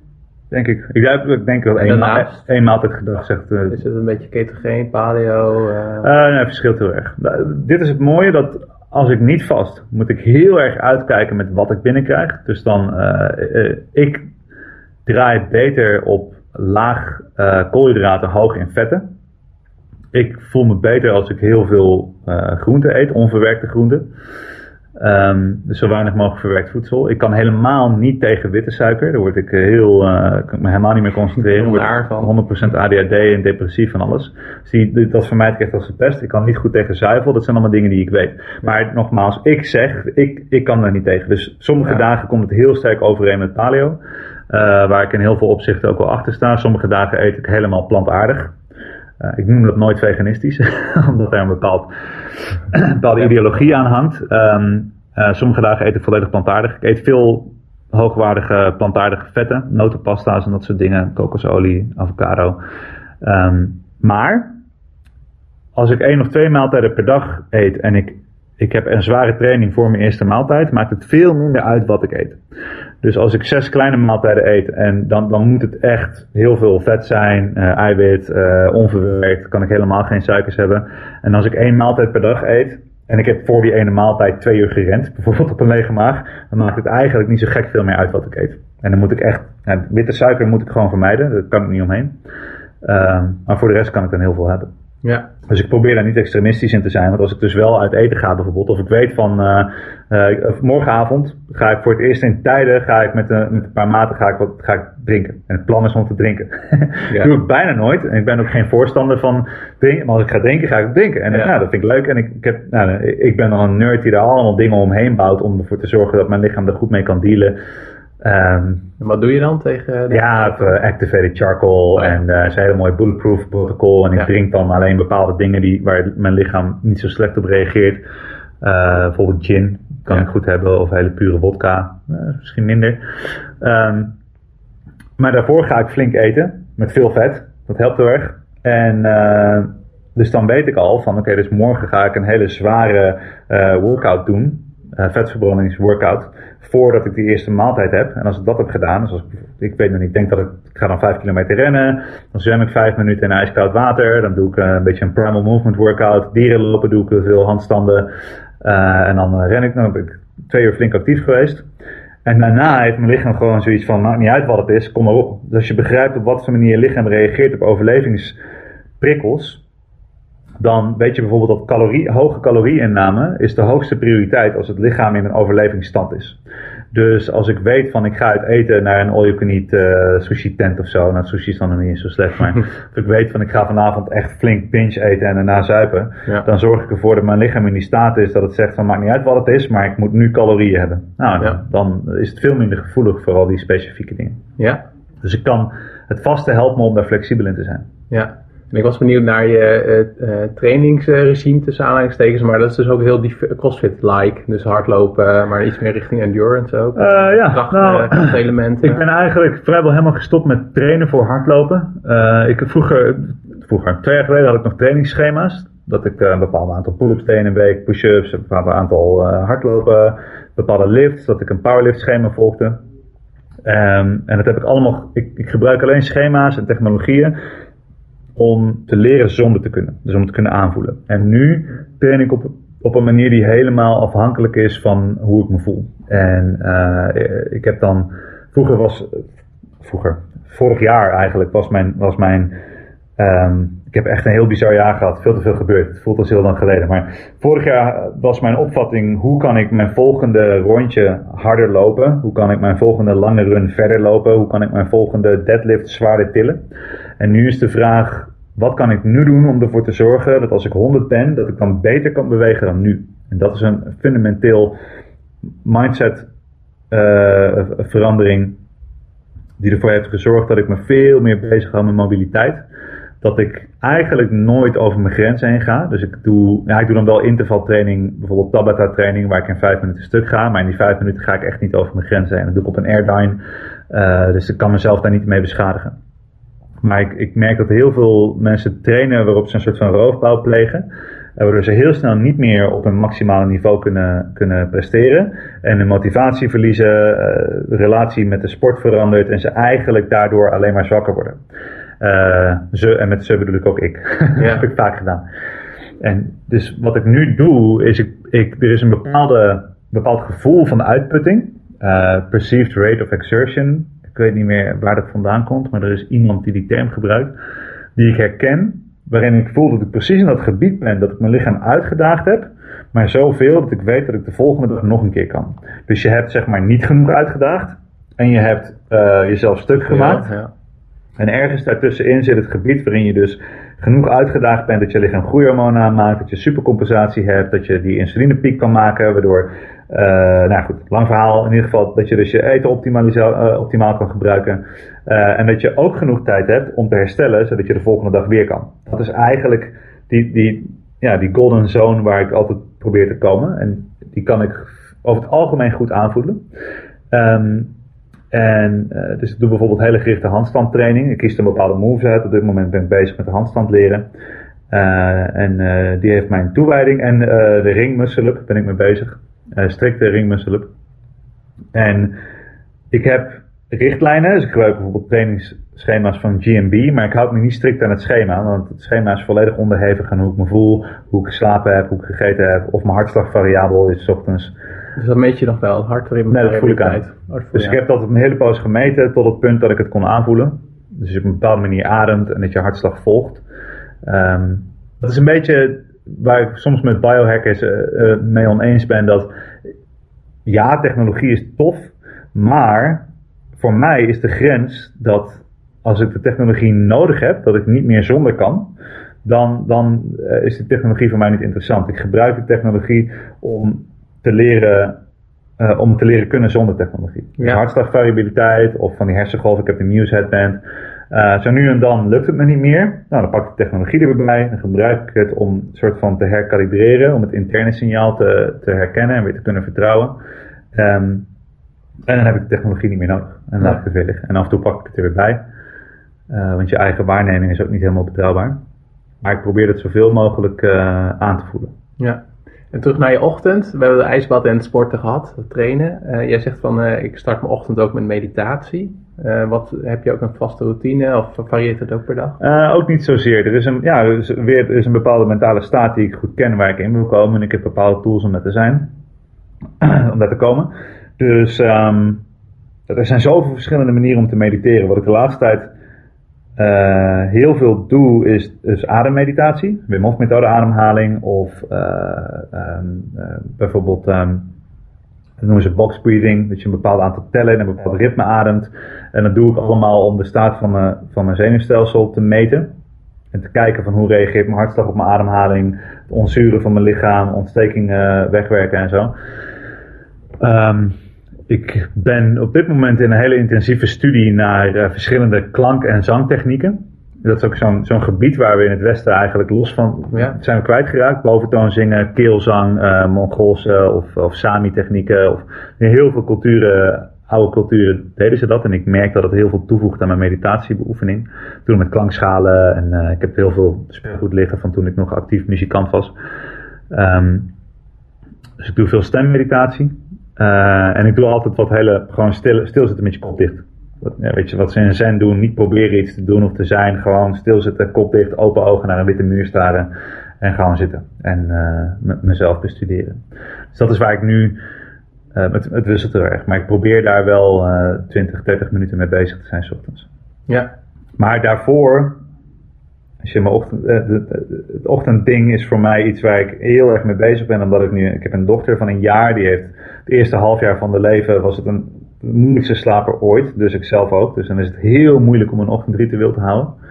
Ja, ik probeer nu, het eerste wat ik doe is, uh, nou wat ik probeer te doen, maar meestal lukt het met mijn blote voeten in het gras.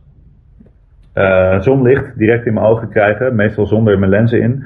Dus direct zonlicht binnenkrijgen om die uh, circadian cycle um, gezond te houden. van Jack Roos en uh, ik weet niet of die zou kunnen. Ja, de naam ken ik niet, maar het zou heel goed kunnen dat ik dat via via. Via de, heeft te maken met ATP, mitochondria, ja. et cetera. Ja, dus ik, ik probeer inderdaad uh, heel bewust uh, de staat van mijn mitochondriën en de manier waarop ze klaar zijn om te werken. Om dat te beïnvloeden. Dus die kou, met mijn voet in het gras heeft de eerste prikkel van kou. Dat is iets. Dan het geaard zijn, wat ik heel interessant vind. Ik ben er nog niet over uit of dat 100% accuraat is. Ik ook nog niet. Uh, ik ben daar nieuwsgierig over. Um, nieuwsgierig is een ander woord voor uh, sceptisch. Maar um, de, het voelt goed. Het voelt voor mij uh, heel erg goed. En ik, bijvoorbeeld als ik in, een, in het vliegtuig heb gezeten en ik ben volledig geïsoleerd geweest en ik stap daarna met mijn voeten in de aarde, op de plek waar ik uh, ben. Mag, vliegende magnetron heb je dan gezeten? Precies, ja, ja een grote cilinder met gerecyclede scheten. Ja. Uh, en ik stap het vliegtuig uit en ik vind grond, aarde, natuur om contact mee te maken, dan voelt dat heel erg goed. En de theorie van het earthing er zijn heel veel dingen erin waar ik me heel erg in kan vinden. Maar ik ben me er ook van bewust dat er allerlei blind spots zijn daar. Maar goed, het, het, ik merk gewoon dat het echt voor mij wat uitmaakt of ik met mijn blote voeten in de gras. Dan heb ik ook mijn eerste koude prikkel binnen. Ik voel hoe mijn zenuwstelsel reageert op die koude prikkel. Het binnenkrijgen van daglicht.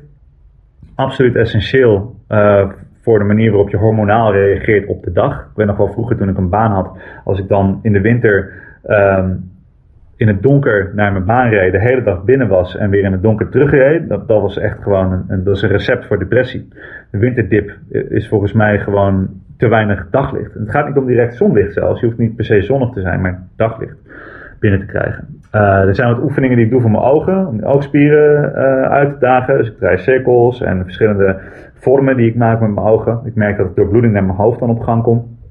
komt en Um, heb ik geleerd van een, van een chiropractor. Chiropractors weten heel veel over hoe het zenuwstelsel het lichaam uh, aanstuurt. En ik ben me ervan bewust dat ik door de dag heen mijn ogen niet heel veel interessante input geef op het gebied van beweging. Wel, er komt heel veel informatie binnen, licht en informatie, maar niet echt beweging. Dus je hebt heel vaak schermen die dezelfde richting in gaan of typen of wat dan ook. Dus heel beperkt. Dus ik maak grote oogbewegingen. En het kan een heel lang verhaal gaan worden. Uh, ik doe wat mobiliteitsdingen. Ik zit in een squat. Uh, s ochtends altijd. Ik, ik doe even allemaal, gewoon dat alles even gerekt en gestrekt is. Schoudermobiliteit, uh, bepaalde bewegingen die ik maak. altijd even op de kop zijn. Dus ik wil s ochtends mijn lymfestelsel, mijn lymfevloeistof op gang in beweging brengen. zeker na mijn ademoefeningen. dus ik doe een hoofdstand of handstanden. Ik heb sinds drie dagen ook mijn slackline in de, in de achtertuin hangen. Dus ik probeer mijn evenwichtorgaan uit te dagen in de ochtend. En ik merk gewoon als ik al die registers even openzet, dus mentaal, um, even stil te zoeken.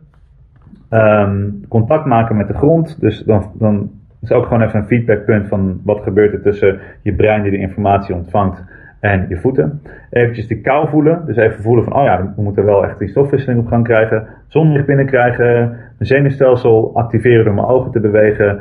Even mijn lichaam alle kanten op bewegen. Even op de kop geweest zijn. Even uit evenwicht zijn, weer in evenwicht zijn. Ehm, ja, dan heb ik het gevoel dat, dat, dat alle registers eventjes open zijn. Ik drink uh, ongeveer een liter water in het proces. Als ik het allemaal doe. En uh, koffie. ben ik nog niet over uit of, dat, of ik daar nog wat aan moet doen. mijn afhankelijkheid van koffie ben ik me van bewust dat het mijn dopamine systeem beïnvloedt. Ben ik nog aan het kijken wat ik daarmee wil. Maar ik drink twee koppen koffie s ochtends en that's it. Dus op zich, zo'n erge junk ben ik niet. Ik geniet er heel erg van. Ik maal mijn bonen meestal met de hand vind het is heel belangrijk om uit de gehaastheid van de dag te komen. Het is gewoon zo'n mindfulness momentje dat ik ingebouwd heb. En um, ja, dat is het wel zo'n beetje. En ik, ik, probeer in ieder geval de helft daarvan elke dag te doen. En als het een beetje mee zit, doe ik alles voordat mijn dochter wakker is. Want als mijn dochter wakker wordt, het eerste uur van mijn dag, heb ik geen schermen, geen telefoons, geen input. Alleen maar aandacht voor mijn kind. En dat is eigenlijk nog belangrijker. Want wat ik doe met mijn dochter van één is uh, met haar meebewegen. En haar squat is helemaal perfect. Ja, ja, ja. Haar, de manier waarop ze kruipt, haar handen op de grond zet, is helemaal perfect. Allemaal beweegpatronen. De manier waarop ze aandachtig aanwezig is bij wat ze aan het doen is, bij het spelen of wat dan ook, is helemaal 100% mindful. Dus die, die baby is gewoon mijn guru nu. Uh, en als ik dat kan erkennen, dat kan zien dat, dat zij allemaal dingen kan die ik afgeleerd heb, dat is voor mij een heel belangrijk ding geworden in mijn, uh, in mijn dagelijkse rituelen. Dus ik ben, ik ben helemaal bereid om een, om een ochtendritueel of mijn werk of mijn e-mail of wat dan ook eruit te gooien. Om die aandacht te besteden. Voor mijn relatie met haar, maar ook gewoon puur zelfzuchtig wat ik ervan leer. En hoe ik me ontwikkel als ik dat doe. Ja, ja. Leraar in iedereen eigenlijk. Oh ja, ja. zeker in kinderen. En uh, je hebt al een heleboel dingen, voorbeelden genoemd. Maar heb je, is er nog iets wat je, uh, wat je ook nog wil benoemen waarvan andere mensen vinden dat het misschien uh, bizar, raar of vreemd is? ik denk de meeste dingen die ik heb genoemd, dat die wel gezien worden als bizar, raar of vreemd. Ja. Um, op dit moment staat op nummer 1 van de dingen die mensen bizar vinden. Ja, ik ben zelf gewend geraakt in, in, op mijn onderbroek door de tuin rennen als het sneeuwt. mijn buren zijn er ook aan gewend geraakt. Uh, dus bijvoorbeeld op, blote voeten en in een korte broek in de winter naar mijn zwemplek toe rennen. Dat is iets wat mensen helemaal bizar vinden, maar wat echt helemaal te gek is voor mij. Ik krijg allemaal rare dingen naar mijn hoofd geslingerd en uh, meningen van mensen. Maar daar ben ik aan gewend. Die zangdingen, boventonen zingen, um, keelzang, klanken, dus je, je stemapparaat openzet. Ik merk dat mensen dat echt helemaal raar vinden. Het is eigenlijk vreemd hoe ongemakkelijk mensen zijn met hun eigen stem. Dus als je in een groep bent en je gaat met mensen keel zingen of boventoon zingen of gewoon verschillende je, je, je klank- en stemapparaat doorlopen door gewoon betekenisloze klanken te maken. Gewoon i, o, a, o, en met je, je keel open of heel nasale klanken maken. Het is bizar hoe ongemakkelijk mensen ervan zijn om hun eigen stem te horen. En uh, als ik dat doe, en, en ik, ik begin langzamerhand steeds meer waarde te zien in rare shamanistische rituelen, waarbij ze hele, hele heftige keelzang doen. Uh, omdat je daar een hele diepe trance kan raken. Uh, hele diepe flow kan raken. Ik begin steeds meer te zien wat de waarde daarvan is. En ja, soms dan, dan merk ik dat ik dingen aan het doen ben. Ik denk van als iemand van een afstand zou zien, dan denken ze wat een ongelofelijke rare, vage ja. new age hippie. ja. Dus dat is wel iets. maar ik, ik kan het iedereen aanraden om te leren boventoon zingen en geweldige dingen die je kan doen met je eigen stem. Ja. En Casper, wat wilde je worden toen je vroeger klein was? Uh, ik heb een aantal fases gehad. De, belangrijke, de grootste fase was ninja.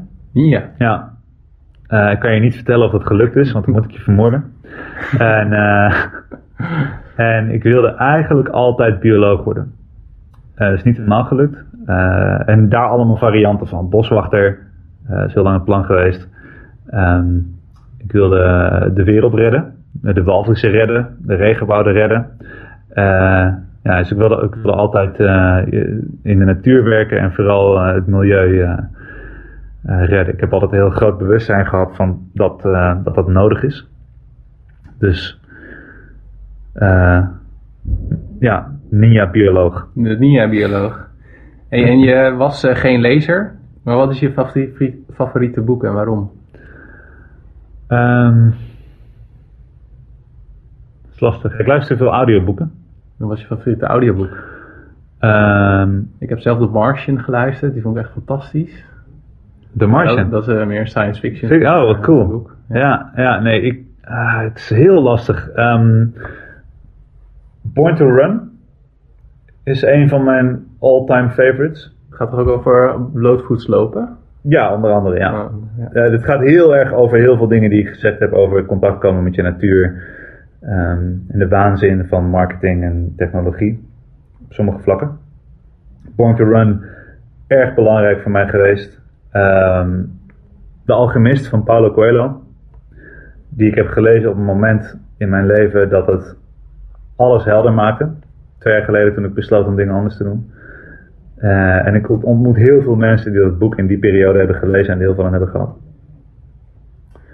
Um, the Way of the Peaceful Warrior van Dan Millman. Dat, dat zijn eigenlijk de, drie boeken die niet eens qua informatie, maar die qua verhaallijn en qua timing in mijn leven perfect waren. Waren Born to Run, Alchemist en um, The Way of the, Way of the Peaceful Warrior. Ja. ja, die zijn echt heel belangrijk geweest. En het beste audioboek zijn twee audioboeken. Uh, Eén is Hardcore Zen.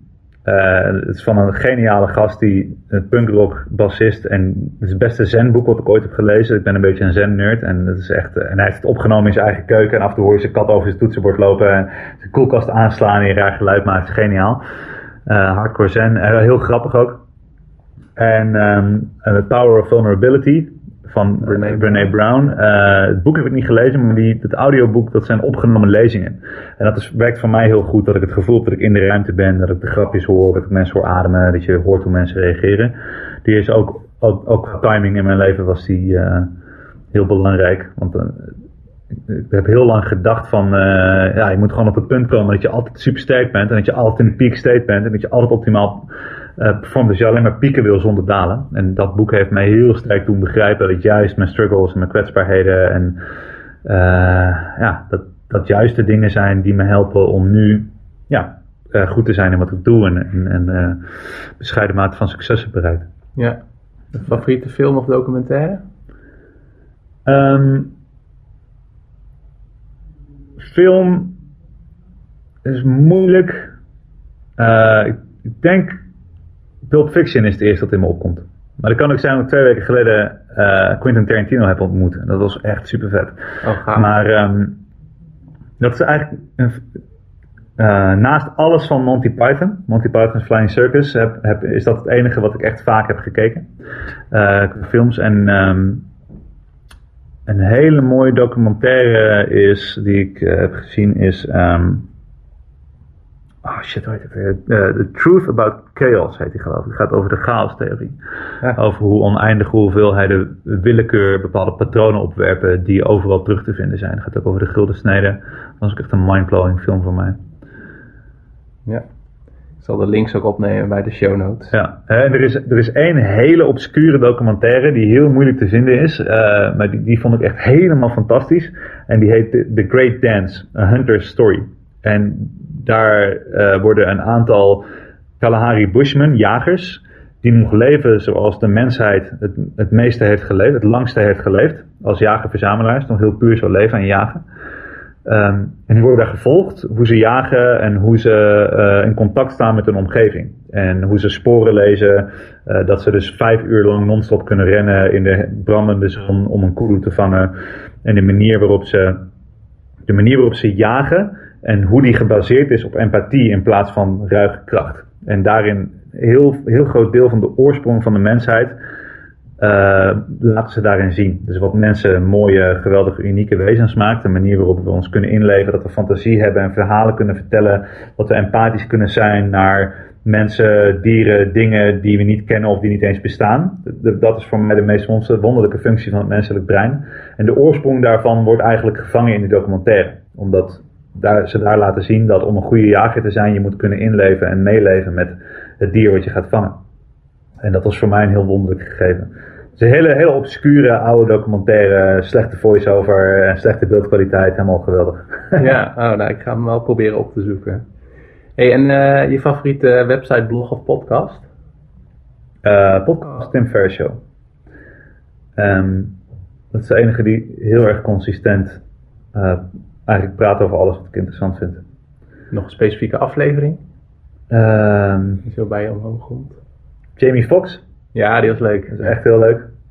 Gewoon uh, verhalen vertellen. Ja. Uh, ik vind het mooiste ook als ik op.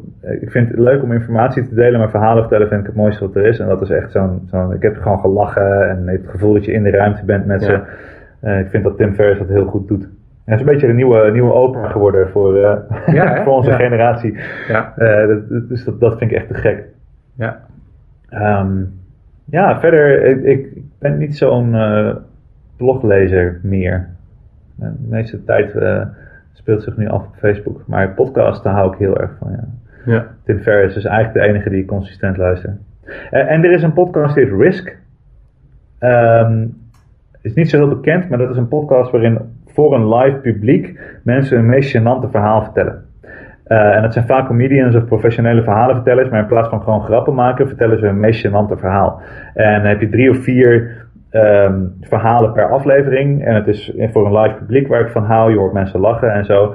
Uh, en, en, mensen komen ongelooflijk kwetsbaar met hele mooie menselijke verhalen. En dat vind ik gewoon gaaf. Heel erg uiteenlopend. Soms heel hilarisch, soms bijna te janken terwijl ik aan het luisteren ben.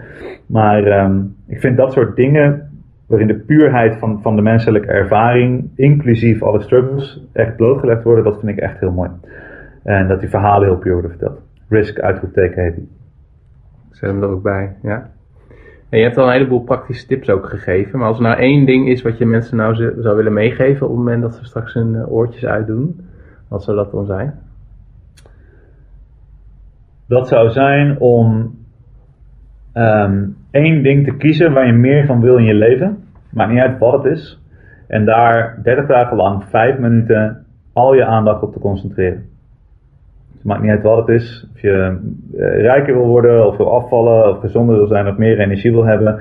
Gewoon het, het concept uh, en de reden waarom je dat graag wil voor je nemen. En vijf minuten per dag, op wat voor manier dan ook, al je aandacht concentreren op dat ene ding. En dan achteruit stappen en kijken hoe het toeneemt in je leven. Ik denk dat mensen heel erg sterk onderschatten wat ze kunnen doen in vijf minuten. En dat ze heel erg sterk kunnen onderschatten wat er mogelijk is als ze al hun verspreide, vage en verstrooide aandacht en verlangens en emoties en gedachten nemen. En die bij elkaar rapen en die op één punt focussen. Op dezelfde manier dat je met een vergrootglas, als je gewoon zonlicht hebt, nou, een beetje vaag zonlicht, gebeurt niet echt wat. En als je een vergrootglas pakt en je, je bundelt het zwakke verspreide licht tot één punt van focus, dan is het opeens sterk genoeg om, om vuur mee te maken. En dat is voor mij het aller, aller, allerbelangrijkste gegeven. De focus van je aandacht bepaalt de kwaliteit van je leven. Alles waar je aandacht aan besteedt, groeit. En vijf minuutjes per dag is echt genoeg om enorme resultaten te behalen. Uh, dat, dat is het fundament van mijn boek. Dus dat is het belangrijkste dat ik mensen kan vertellen. En wat je dan doet, of je koud gaat douchen of gaat hardlopen of anders gaat eten of je gaat yoga doen of mediteren of wat dan ook. Het gebied van wat is veel minder belangrijk dan waarom en hoe. En het, het begint allemaal met focus. En het begint gewoon met beginnen. Gewoon doen. Er is nu hier iemand aan het luisteren die de hele tijd denkt van, oh ja, dat wilde ik nog doen, dat wilde ik nog doen, maar het de hele tijd niet doen. En, en die persoon die moet gewoon, nou niet gewoon, die moet stoppen met plannen maken en vijf minuten nemen en een timer zetten. Ook niet meer dan vijf minuten. Gewoon een timer zetten, vijf minuten en eindelijk echt dat ene ding gaan doen en het 30 dagen volhouden. Ja, dan verder kijken wat het je heeft opgeleverd. Ja, gaaf. Hey, en uh, nou, mijn vraag is, hebben we iets gemist in het gesprek? Nou, heel veel. Dus uh, bij mij ja. het heeft nog een uh, ronde twee een keer. Ik kom graag nog een keer terug. Ja, het is... Uh, podcast interviews doen is misschien mijn meest favoriete bezigheid. dus als ik helemaal los ga, dan kan ik heel lang door blijven gaan. Maar nee, ik denk niet dat we iets gemist hebben. Nee, ik vind het ook heel gaaf. Je bent een fucking baas. Als je luistert, je bent een baas. Ik hou van je. Je bent goed bezig. Geloof niet als ze iets anders zeggen. En nou is je verantwoordelijkheid om te leven als een baas. Dus. Ja, eigenlijk moeten we hier al afsluiten, maar ik heb nog twee, uh, twee vragen. Wat vond je van het interview? Ik vond het leuk. Ja. ja ik ook. Ik ben altijd heel erg blij als ik uh, uh, uitgebreid mag nerden over dingen die ik interessant vind. En dan kunnen mensen zelf bepalen of ze doorspoelen of op pauze zetten. Maar Ja. als ik gewoon los mag gaan over dingen die interessant zijn. Ja, nee, dat vind ik ook gaaf. Dat probeer, net als Tim Ferriss. Ik kan niet in zijn eh, voetsporen eh, of in zijn schaduw staan, maar vind ik het heel gaaf om heel erg eh, in de diepte te gaan en af en toe weer omhoog te schieten. En eh, ja, de vorm podcast vind ik gewoon gaaf. Want Ja. inderdaad, wat jij zegt, eh, als je dit niet boeiend vond, dan, dan, dan luister je nu niet meer, maar dan heb je ook al een andere podcast gevonden. hopelijk, wel- ja. die je wel kan luisteren. Hey, en ik zal links opnemen, eh, maar eh, ook naar je boek, et cetera. Maar waar ben jij te vinden op internet en eh, social media? Mindlift.com. Ehm, op alle social media, eh eh Caspers Focus, dus Caspers Focus op Instagram. Eh, en op eh, Facebook eh, heet de pagina Mindlift, streepje Casper van der Meulen. Dat zijn mijn belangrijkste, Fa- Facebook is eigenlijk mijn belangrijkste outlet. Ja, Dus Casper van der Meulen, als je mijn naam intikt in Facebook, dan vind je de pagina. En voor luisteraars, het is een oproep die ik altijd doe aan het einde van interviews. Als je iets hebt gehoord waarmee je resoneert, wat je interessant vindt, of je denkt van ik ga er wat mee doen, stuur me gewoon een berichtje. Vind me op Facebook of Instagram, eh, eh, of op mijn website, of stuur me een mailtje. Ik vind het altijd super tof om te horen, ja, je hebt een uur naar me geluisterd. En eh, om te horen wat je ervan vond, of je er iets aan hebt gehad, of je er iets mee gaat doen, vind ik gewoon leuk. En ik kreeg altijd, als ik deze oproep doe na een podcast, een paar mailtjes van mensen die zeiden van, hey, dat, dat resoneerde met me, of hier kon ik bij aansluiten, of daar heb ik wat aan. Dat vind ik gewoon heel tof. Het enige nadeel hiervan is dat het geen interactief medium is. En ik vind het te gek om te horen van je, dus hou je niet in, stel me vragen en eh, laat me weten wat je vond. dankjewel Casper. En koop mijn boek. Super, dankjewel voor dit gesprek. Ja, bedankt. Leuk. Bedankt voor het luisteren naar de Project Leven Show. Wil je meer weten over de Project Leven Show? Ga dan naar www.projectleven.nl slash podcast. Show notes van deze aflevering kun je vinden op www.projectleven.nl slash mindlift-podcast. Tot slot. Laat een reactie achter op de blog of op iTunes wat je ervan vond of waarover je nog meer wil weten. Wat je ook kan doen is mij een e-mail sturen op peter.projectleven.nl wil je niets missen van de Project Leven Show? Ga dan naar facebook.com slash projectleven of abonneer je op deze podcast via iTunes, Stitcher of Overcast. Abonneer je op mijn nieuwsbrief door te gaan naar www.projectleven.nl. Je krijgt dan updates, gratis downloads, exclusieve video's en korting op evenementen. Podcast werd mede mogelijk gemaakt door superlifestylesummit.nl. Lezingen en workshops voor en over een super lifestyle, zoals voeding, slaap, stress en sport. Kijk ook op superhumanbook.nl, waar ik al mijn tips, hacks en habits voor optimale prestaties heb gebundeld in een boek.